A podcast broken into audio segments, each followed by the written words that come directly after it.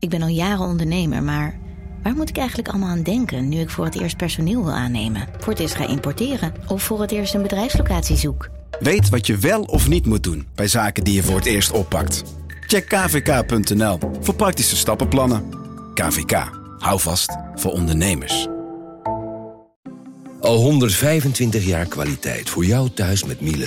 Dat vieren we met jou. Ontvang nu tijdelijk een cashback tot 125 euro op veel Miele-apparatuur. Geniet van de kwaliteit van Miele. Voor perfect verzorgd wasgoed en kleding die veel langer mooi blijft. Voor een stralend schone vaat, even perfect als jouw diners. En een stofvrij thuis waarin echt hygiënisch schoon de standaard is. Check miele.nl voor alle feestelijke aanbiedingen.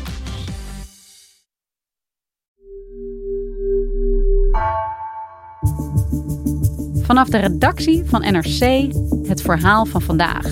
Mijn naam is Floor Boon.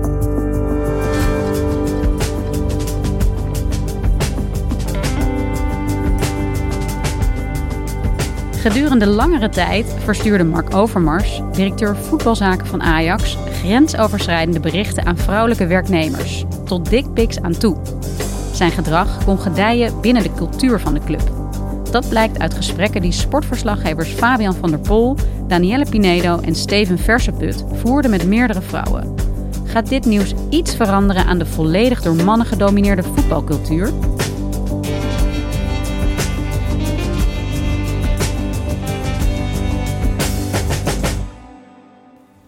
Danielle, Fabian, welkom. Goed dat jullie hier zijn. Um, jullie zijn hier om te praten over jullie onderzoek naar Mark Overmars bij Ajax, grensoverschrijdend gedrag. En sinds zondagavond is er heel veel te doen om Overmars en is hij opgestapt. Maar wat is er precies aan de hand? Zondagavond laat kwam er een verklaring van Ajax naar buiten. Dat Overmars per direct opstapte omdat hij grensoverschrijdende berichten had gestuurd naar een aantal uh, medewerkers bij Ajax. En dat hij geen andere weg zag dan op te stappen. Overmars vertrekt per direct als directeur voetbalzaken van Ajax vanwege grensoverschrijdend gedrag. De club schrijft het gedurende een lange periode versturen van grensoverschrijdende berichten aan meerdere vrouwelijke collega's ligt ten grondslag aan zijn besluit om te stoppen. Nou, wat is dat? Kan van alles zijn. Um, maar ik denk dat we bij hem wel een patroon hebben gezien. Dat het vaak begon met onschuldige correspondentie hè, van uh, praktische zaken, zeg maar. En uiteindelijk dat wat hij schreef steeds seksueler werd. Hij schreef bijvoorbeeld dat hij warm van vrouwen uh, werd, dat hij uh, vroeg wat ze aan hadden, dat hij ze mooi vond. En uiteindelijk, voor zover wij hebben kunnen nagaan, heeft hij ook dickpics verstuurd. Ja, dus foto's van zijn geslachtsdeel aan vrouwen via de app. Ja. Dit gaat over Mark Overmars, grote bekende in de voetbalwereld, technisch directeur bij Ajax. Kunnen jullie een beetje vertellen wat voor status heeft hij? Ik denk dat hij uh, tot zondagavond uh, werd beschouwd als de machtigste man in het Nederlandse voetbal. De successen van Ajax over de afgelopen jaren straalden heel erg op hem af. Erik de Nacht was de trainer die zijn team geweldig liet voetballen. Maar het was Overmars die het elftal ook indirect formeerde. Die, die de juiste aankopen deed. Die Daily Blind terughaalde en Tadic. En dat heeft onwijs veel rendement opgeleverd. En dat straalde gewoon op hem af. Dat was de, de, grote directeur. Overmars sinds 2012 werkzaam in Amsterdam is een van de architecten van het huidige succes van Ajax. Onder zijn leiding verkocht de club in de afgelopen negen jaar voor 600 miljoen euro aan spelers. Zijn naam uh, werd dan ook niet voor niets de voorbije jaren vaak in verband gebracht met Europese topclubs. Kijk, met, met Mark Overmars als ex-speler in de directie, ja, dat loopt als een tierenlier. Hij is lokaal ook erg betrokken in, in Epe, waar hij vandaan komt. En hij wordt ook altijd omschreven eigenlijk als een heel gewoon gebleven iemand. Geen macho-type. Geen macho-figuur. Niet dat je iemand denkt, goh, kijk hem daar uh, stoer doen. Nee, joh, hij komt het Epe. Ja, hij heeft ook bij Barcelona gespeeld, bij Arsenal. Nee, daar is geen glamour, joh. Echt niet. Het, nee. Hij is daar de koningman in dat dorpje. Ja. Dat zijn allemaal hartstikke lieve mensen. De bakker en de slager. Ja. En de... Als hij glamour was, was hij wel in Amsterdam gaan wonen. En om hoeveel vrouwen gaat het nu eigenlijk? Hebben jullie een beeld van hoeveel vrouwen hij berichten stuurde of die slachtoffer waren van zijn grensoverschrijdende gedrag? Nou, we hebben in ieder geval met meerdere vrouwen gesproken die hiermee te maken hebben gehad. Maar van die vrouwen kregen we wel de indruk dat het veel breder was. Er is dus, als jullie dit zo zeggen, eigenlijk wel meer aan de hand dan in die eerste verklaring die Ajax zelf uitstuurde uh, op zondagavond. Maar jullie wisten dit eigenlijk al langer. Waar is dit verhaal begonnen? We zijn het onderzoek vorig jaar begonnen. In december kwam er bij mijn collega Steven Versput. Die kreeg een tip en hij heeft vervolgens mij ingelicht hierover. Ik weet dat ik zat in de auto en kon mijn oren niet geloven. Hij zelf ook niet. En we hadden allebei zoiets van, ja, daar moeten we wel wat mee. Ging die eerste tip ook over Overmars? Ja, nadrukkelijk. Tegelijk dachten we ook van, als het waar is, we krijgen ook tips binnen die niet waar zijn, die te zwaar zijn aangezet. Eh, het blijkt allemaal wat genuanceerder te liggen. Nou, toen hebben we even samen opgetrokken, de eerste lijnen uitgezet, zou je kunnen zeggen. Toen is Danielle erbij gekomen. Ja, de gedachte was, denk ik, een vrouw maakt het misschien makkelijker, omdat het om vrouwen gaat. Het gaat om gevoelige zaken. Um, wat ik ook vaak in interviews doe. Dus dat was de gedachte om mij erbij te betrekken. En ik denk dat, ja, dat, dat het wel goed werkte, die samenwerking op die manier. Ja. Ajax is een heel groot beursgenoteerd bedrijf. Prestigieuze naam op voetbalgebied, zeker in Nederland, maar ook internationaal, waar miljoenen in omgaan. Hoe moeilijk is het eigenlijk om daar binnen te komen en met mensen te praten over onderwerpen die zo ontzettend gevoelig liggen? Ajax staat er denk ik onbekend dat het de luiken gesloten houdt. Dat het nat dan is om te praten als medewerker, medewerkster. Dus dat was heel moeilijk. Hoe bereik je die vrouwen? Um, dat hebben we onder andere gedaan door um, via LinkedIn eens te kijken wie hebben daar gewerkt. Welke jonge vrouwen hebben daar gewerkt. Ja, dat was een heel precair proces. Want uh, zeker als je vrouwen belt, dan moet je snel ter zake komen en tegelijkertijd um, empathisch zijn. Dat was er niet, niet makkelijk. Um, maar dat lukte wel vaak door zeker het maatschappelijk belang te benadrukken. En ook te zeggen dat we die vrouwen kosten wat kost zouden beschermen. Dus dat het allemaal anoniem kon en dat het vaker gebeurde. Dus dat ze daarin niet alleen stonden. En die gesprekken bevestigden ons eigenlijk elke keer weer dat we op de goede weg waren. Ik hoorde vaak de angst door de telefoon. Dat was wel ook in die zin best, best zwaar. Het is niet zo dat die gesprekken allemaal over grensoverschrijdend gedrag gingen. Voor sommige vrouwen kwam het ook een beetje uit de lucht vallen. Natuurlijk voor de meesten ons telefoontje. Vanuit het niets. Uh, maar we merkten wel al snel dat er sprake was van een cultuur. Een cultuur waarin vrouwen ja, um, seksistisch werden benaderd. Ik vat het toch even zo samen. Dus op en naar uiterlijk, wat ze droegen. Um, we hebben het voorbeeld van een borrel bij Ajax, waarbij een vrouw stiekem werd gefotografeerd door een mannelijke collega, zonder dat ze door had. En daarna werd die foto bekeken door een groepje mannen. Dus er was toch iets met vrouwen, zijn daar in de minderheid. Ik geloof een kwart van de medewerkers is vrouw. Maar ze werden ook niet altijd even serieus genomen wat je merkt bij een voetbalclub vaak is, het is niet een gewoon bedrijf. Er is natuurlijk de kleedkamer en de taal van de kleedkamer. Wie, wie voetbalt kent een soort grappen die daarin worden gemaakt. En de kleedkamer is daar soms ook de plek voor, onderling. Maar dat zijpelt soms door naar de andere, andere plekken in een bedrijf. Waardoor de grenzen eigenlijk vervagen. Dus het ene moment ben je in de kleedkamer waarin meer lijkt te kunnen, jongens onder elkaar daarbuiten zou dat eigenlijk niet meer gelden. Maar dat, de grenzen zijn daarin niet altijd duidelijk voor iedereen. Dus je zou kunnen zeggen, iemand als Overmars die zelf jaren in die kleedkamer heeft gezeten en gespeeld, dat die dat meenam, dat gedrag, die denkwijze hogerop. En de vrouwen die wij spraken zeiden eigenlijk, je moet daar rekening mee houden. Het hoort er eigenlijk een beetje bij zelfs. Dat vond ik best schokkend om te horen van een vrouw. Dat als je bij Ajax werkt, dan moet je maar incasseren dat je te maken krijgt met seksistische opmerkingen bijvoorbeeld. Dan moet je een dubbele huid hebben, zoals een vrouw zei.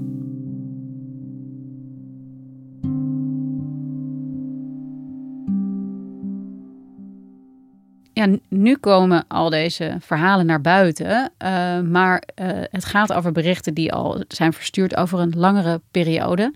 Was er eigenlijk dan niets bekend binnen de club over dit gedrag van Overmars?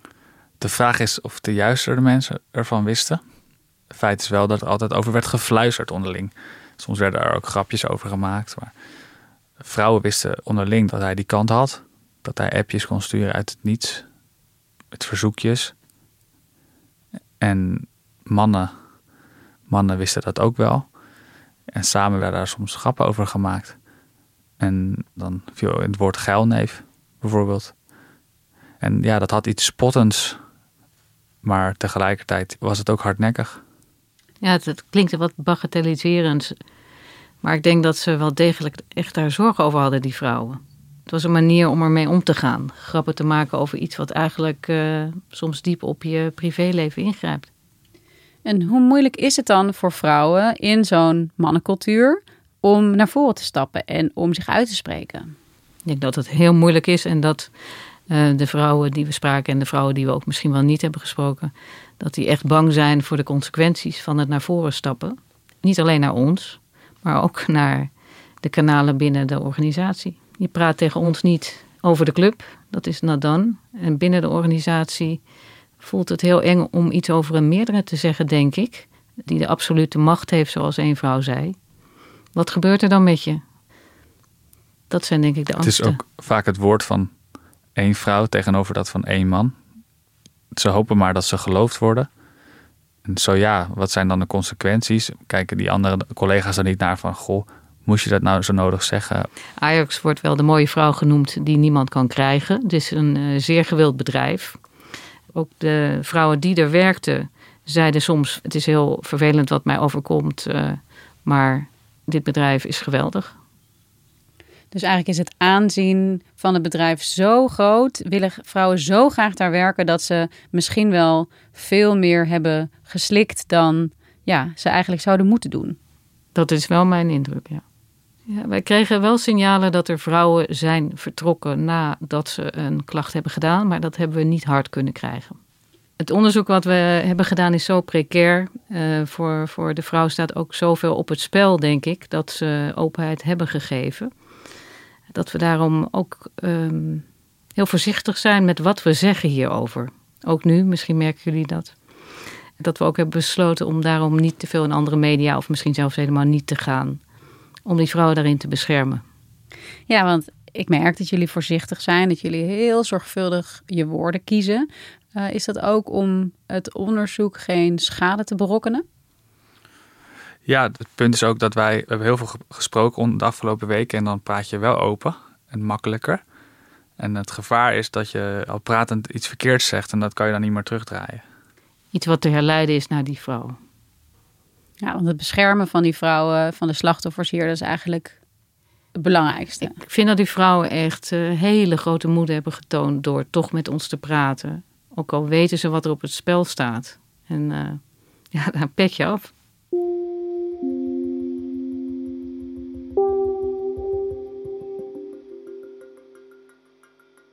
Zondag kwam ineens de reactie van Ajax, uh, het bericht dat Overmars op zou stappen.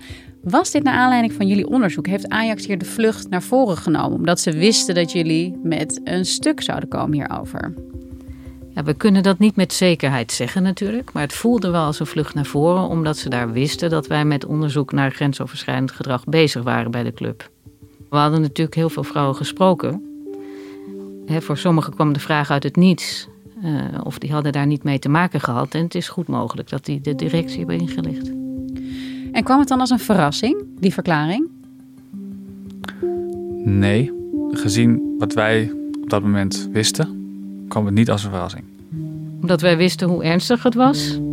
Um, in deze tijd denk je, ja, eigenlijk is er maar één uitweg mogelijk. Maar je weet het nooit zeker. Want op 28 januari heeft Mark Overmars nog contractverlenging gekregen van alle aandeelhouders. Als je dat hoort, dan denk je op dat moment moet er toch nog niet zo duidelijk zijn geweest wat er aan de hand was. Dat zou je wel concluderen. Anders zou je kunnen vermoeden dat het even zou moeten worden uitgesteld, bijvoorbeeld. Tegelijkertijd um, was het eigenlijk duidelijk dat het zover ging komen dat hoeft alleen nog maar bekrachtigd te worden. En het zou natuurlijk vraagtekens oproepen wanneer dat plotseling werd uitgesteld. Het is een kans dat het al bekend was, maar dat ze af wilden wachten hoe dit zou gaan lopen. wat ik ook zo opmerkelijk vind, is dat juist zo iemand in zo'n positie, iemand als Mark Overmars, eigenlijk zijn carrière op het spel zet voor nou ja, het sturen van foto's van zijn geslachtsdeel aan vrouwen. Ja, dat is ergens verbazingwekkend. En dat roept ook de vraag op in hoeverre hij nou door had dat hij grote risico's nam. Ik denk dat hij verblind was. Verblind door? Door de aantrekkingskracht van het sturen van vrouwen. Het spel. Het, het spel. Het spel. Het willen bepalen waar een vrouw is, wanneer ze waar is, wat ze doet, uh, wat ze draagt, dat heeft daar ook mee te maken. Het is niet alleen maar uh, de seksueel getinte berichten, maar ook het controle willen krijgen over die vrouwen. Uh, dat dat bijna een soort verslaving is. Zo is het op mij overgekomen.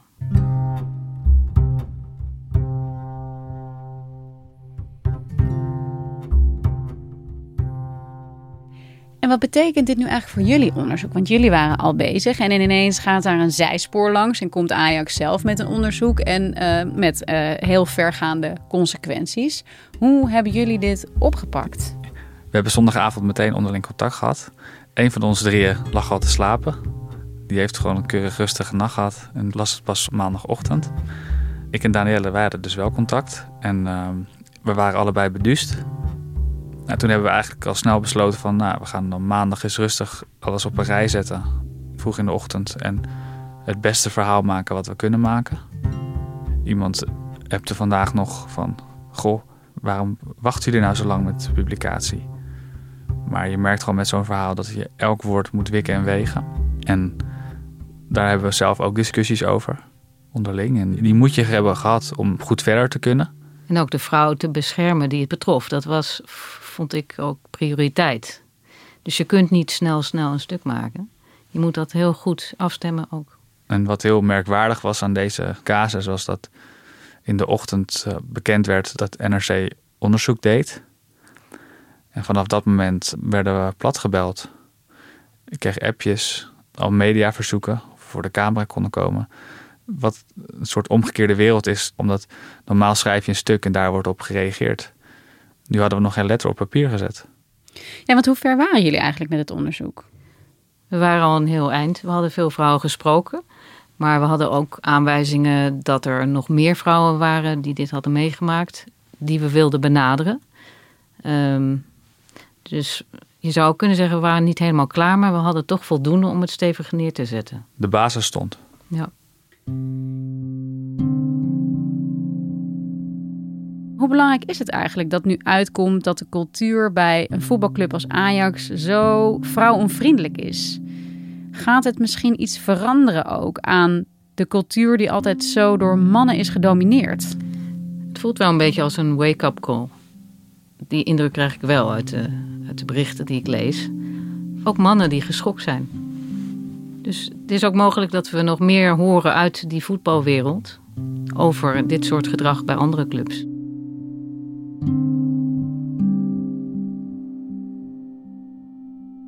Dank jullie wel. Graag gedaan. Graag gedaan.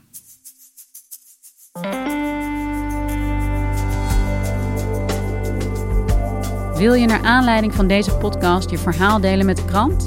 Mail dan naar onderzoek.nrc.nl. Je luisterde naar vandaag, een podcast van NRC. Eén verhaal, elke dag. Deze aflevering werd gemaakt door Anna Korterink en Jan-Paul de Bond. Dit was vandaag. Morgen weer.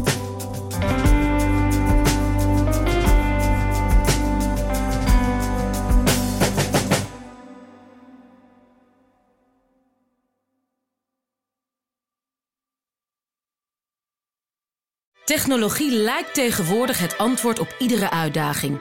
Bij PwC zien we dit anders. Als we de potentie van technologie willen benutten, kunnen we niet zonder een menselijk perspectief. Human-led, tech-powered noemen we dat. Ga naar pwc.nl.